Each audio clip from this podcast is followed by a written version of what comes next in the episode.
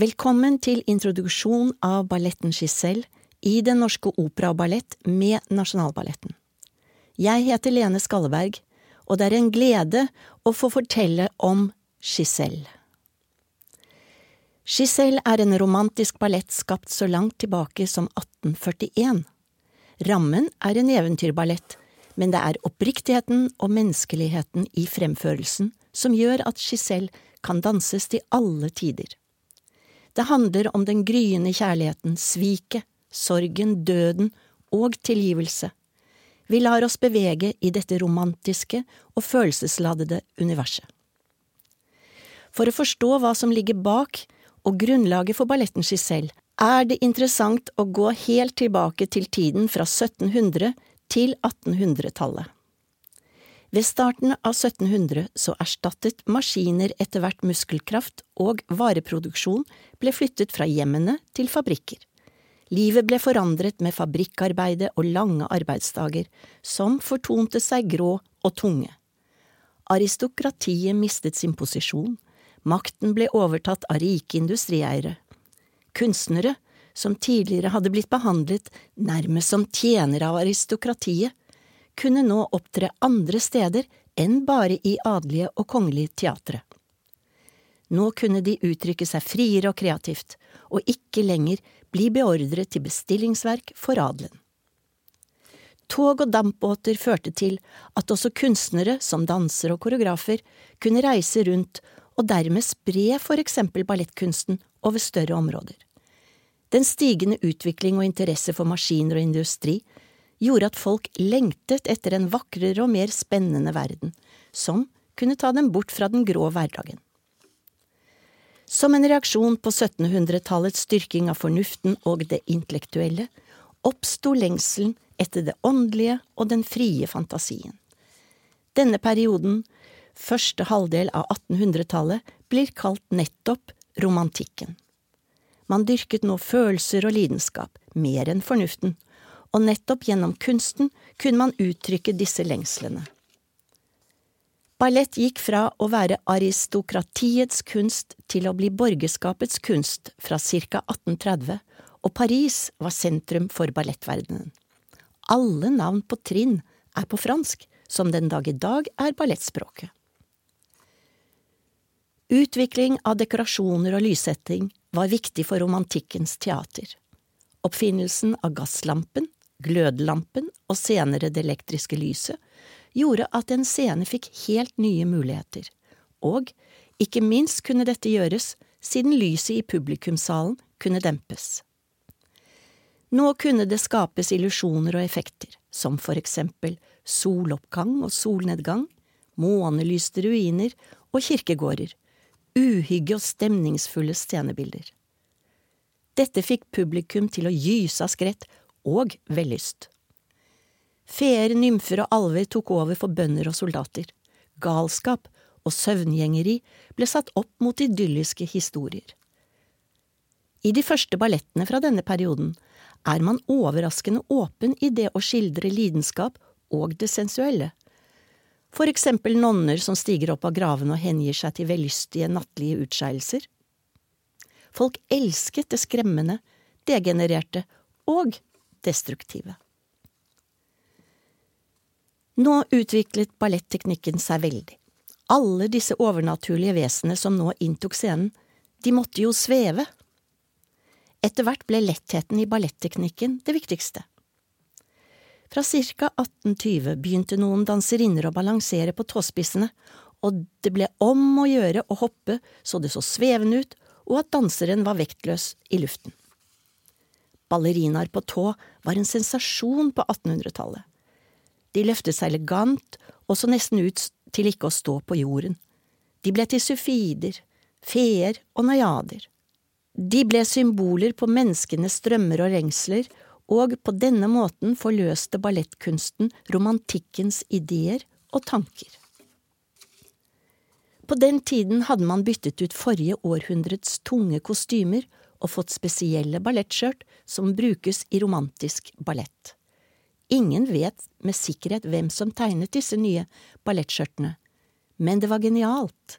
De var gjennomsiktige og flolette, hadde lavt liv, og overdelen viste hvite armer og bare skuldre. Dette gav ballerinaen et overjordisk inntrykk. Marie Taglioni ble født i Stockholm i 1804 av svensk mor og italiensk far. Hun var den første ballerinaen som danset på tåspissen. Skoene var ikke på langt nær så harde som i dag, men de var noe forsterket i tåpartiet. Hennes debut var bemerkelsesverdig. Som en ånd svevde hun gjennom luften og inspirerte til rollefigurer som Sylfiden og Giselle. Marie Taglione var datter av den italienske ballettmesteren Filippo Tagliono, som koreograferte La Sylfide i 1832, nettopp med Marie som Sylfiden. Og det var i denne forestillingen tåspisskoene ble kjent. Hun ble ansett som den mest uttrykksfulle og letteste ballerinaen fra den romantiske perioden.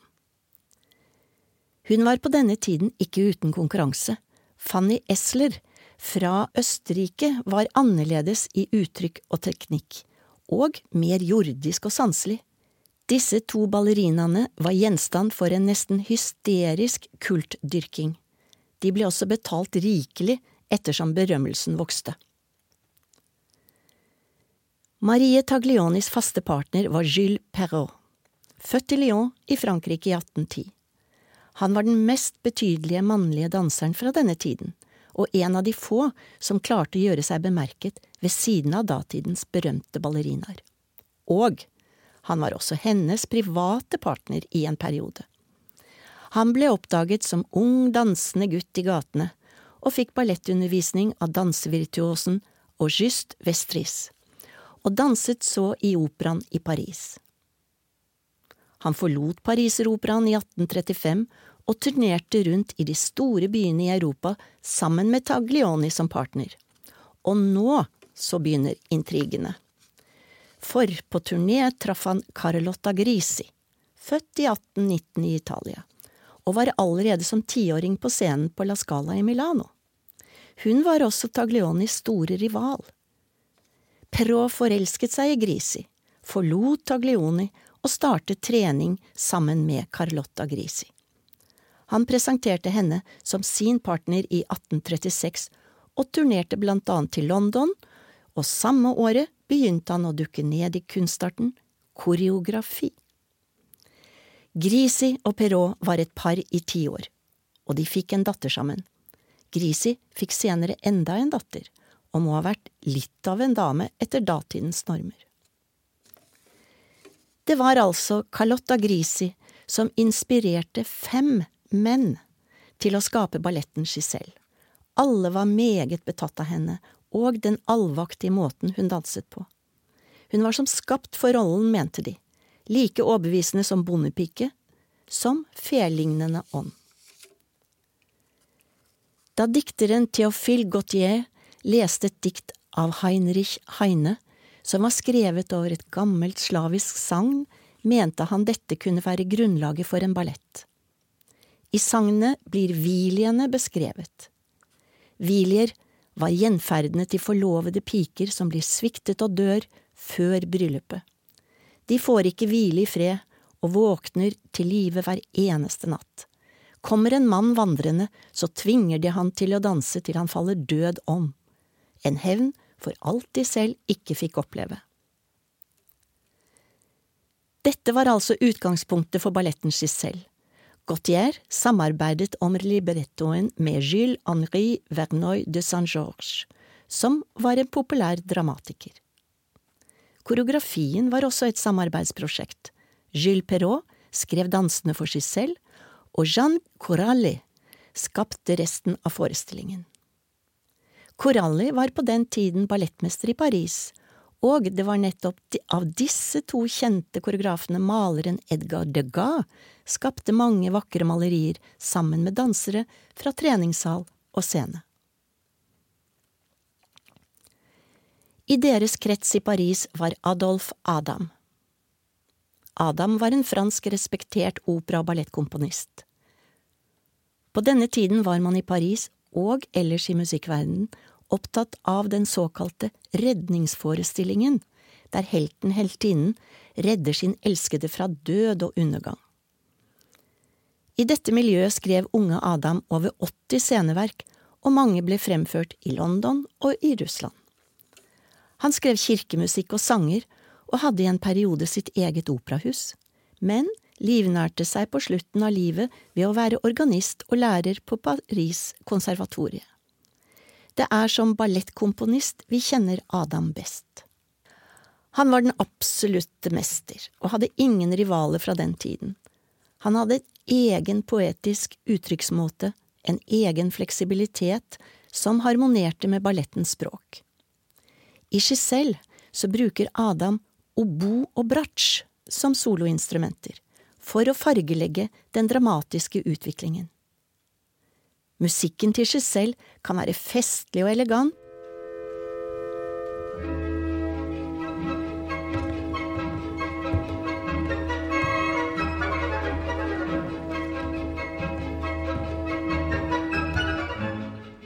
men også mørk og dramatisk.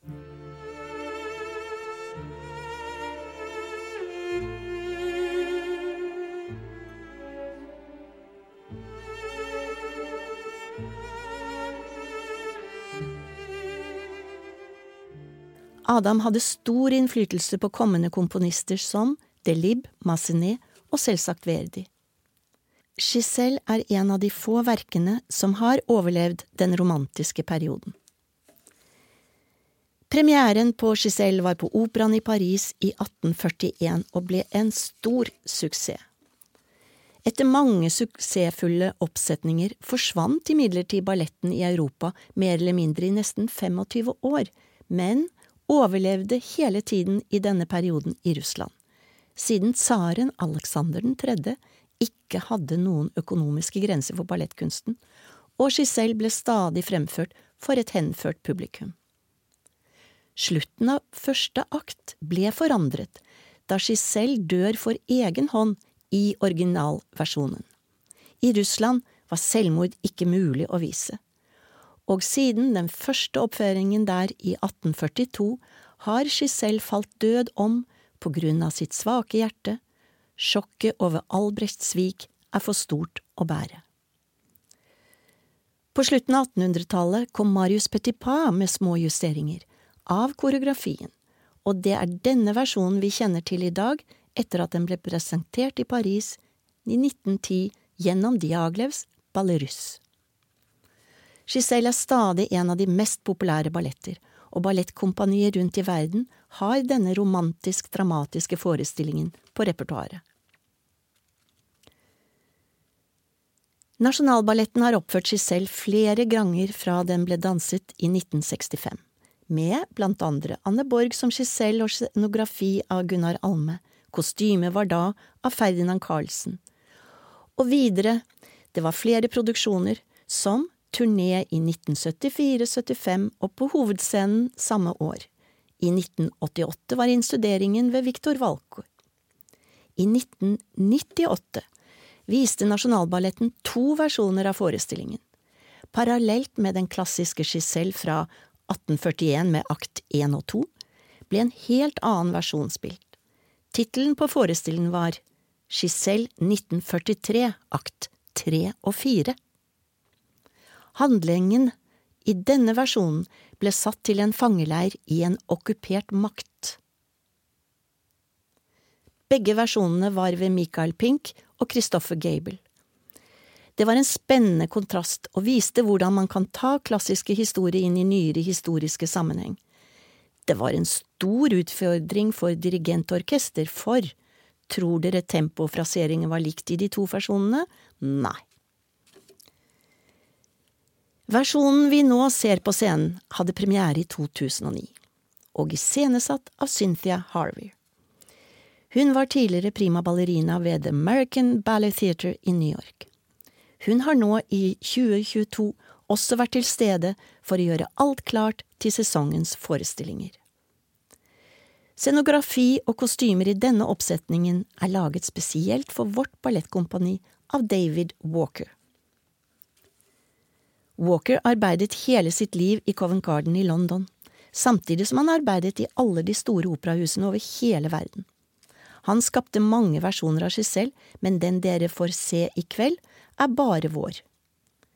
Kostymer og scenografi er produsert her i våre verksteder i 2009. David Walker hører til de naturalistiske scenografene. Han var en svært malerisk person som fulgte opp tradisjonene fra 1850-tallet, da alt skulle være naturtro og rekvisittene gjerne skulle være ekte. Han var kjent for å lage kostymer som var spesielt tilpasset danseres bevegelse i den spesielle koreografi. De sier han var mest opptatt av det moderne uttrykket, men det er de klassiske forestillingene fra 1800-tallet som står som hans mesterverk. I Walker sin scenografi er det et detaljert sentrum som blir mer uklart innover i bildet. Resultatet blir en levende, lett og leken scenografi. Den Norske Opera Ballett har en fabelaktig malersal og dekorasjonsverksted, hvor alt er laget fra første malestrøk og spikerslag til det endelige resultatet. Det er håndmalte scenetepper og dekorasjoner, og her har gamle maleteknikker blitt videreutviklet inn til vår moderne teknologiske verden. I vår rekvisittavdeling har erfarne medarbeidere funnet tidsriktige gjenstander, så som i første akt, kniven til Hirarion og sverdet til Albrecht, som er svært viktige i handlingen. Systuen har stått for alle kostymene og forberedt med profesjonelle hender utallige meter med tyll, fløyl og silke, slik at vi får et troverdig, tidsriktig og stilriktig inntrykk. Ett kostyme kan ta ca 60 timer å lage, og det skal prøves og tilpasses den enkelte danser flere ganger. I andre akt av Giselle vil dere se alle hviljene med et slør foran ansiktet, dette måtte danserne prøve å tilvenne seg og ha på under prøver for å kunne bevege seg ubesværet. Lysdesign til Giselle er ved James F. Ingalls, og dirigent for kveldens forestilling er Nathan Brock, som står foran vårt strålende orkester.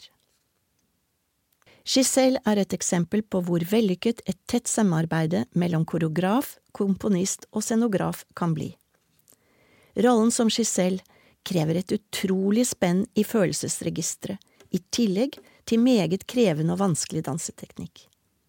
Den som får danse Giselle, får brukt alle sider ved dansekunsten i rolletolkningen. Den yndige unge bondepiken, den forelskede Giselle, den fortvilte og gale Giselle, den overjordiske og gjenferdes Giselle. Fortsatt finner koreografer og scenografer inspirasjon til å lage Giselle, og balletten danses faktisk som den gjorde i 1841, med noen nyjusteringer av Marius Petipa i 1910. Det er også en ballett hvor korpset har en svært viktig rolle, særlig i andrakt, hvor de kvinnelige danserne er overjordiske og gjenferg som hvilier.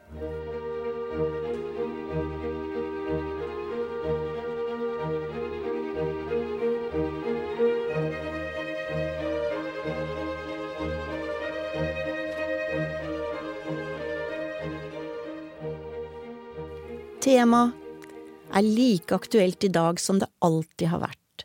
Kjærlighet og tilgivelse, og interessen for det mystiske, ja, har absolutt ikke avtatt. Giselle er en ballett i to akter, og første akt er rett frem en tragisk historie, og andre akt er en overbevisende illusjon. Nettopp denne gripende kombinasjonen er det som betar oss så inderlig.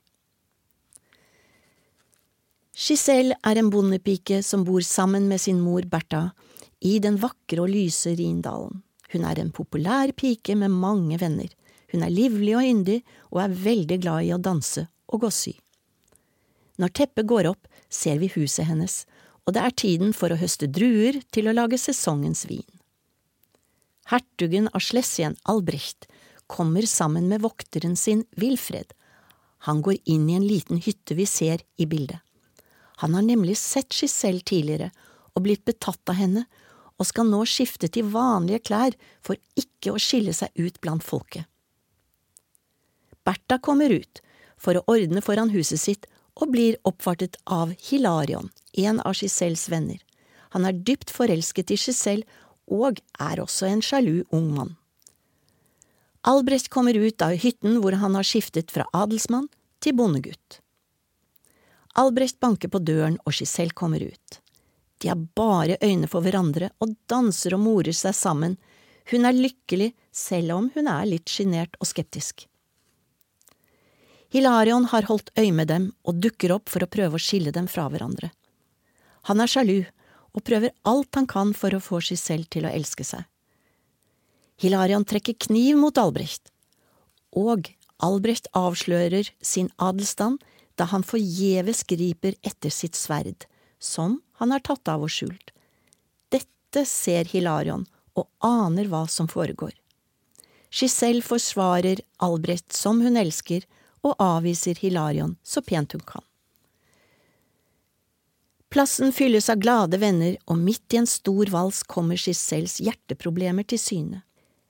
Hun har et svakt hjerte, og moren er redd hun skal danse seg til døde. Bertha forteller Giselle om Viljene, og dette blir gjort med tradisjonelle mimebevegelser. Hun irettesetter Albrecht og tar med Giselle inn. Et jaktsignal fra et horn varsler at det kommer adelsfolk til stedet. Albrecht aner uro og gjemmer seg. Han er i virkeligheten forlovet med Bathilde, men altså blitt betatt av Giselle.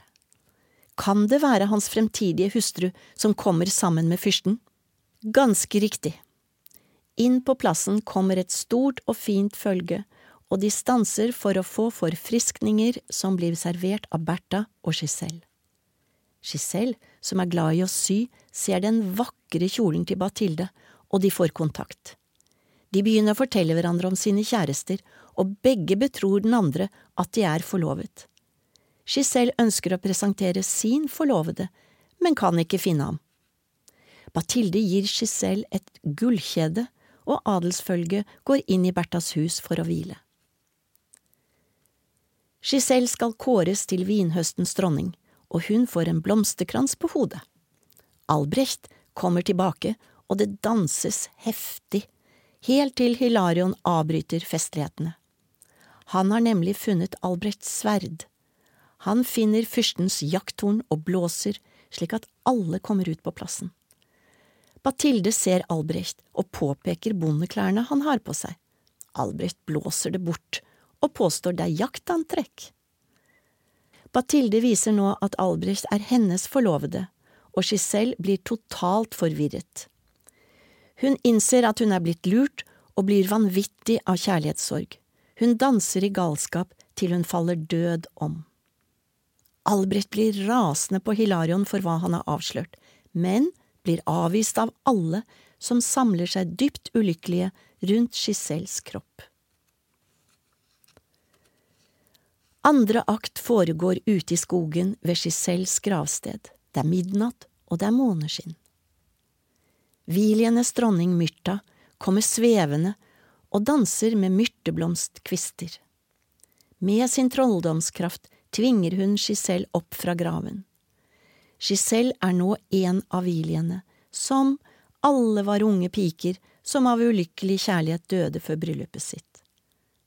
Albrecht kommer, angrende på det han har gjort, for å besøke Giselles grav, og hun kommer til syne for ham. Giselle ber Myrta om nåde for ham, og hennes kjærlighet er fortsatt sterkt til stede. Myrta er nådeløs og krever at han skal dø. Med ett så kommer også Hilarion til graven. Viljene kommer til syne rundt ham, og de danser ham fra sans og samling til han kaster seg i innsjøen og dør. Giselle må danse hele natten for å beskytte Albrecht. Han danser med og blir etter hvert totalt utmattet. Natten skrider frem, og det blir soloppgang, som gjør at Viljene mister sin kraft.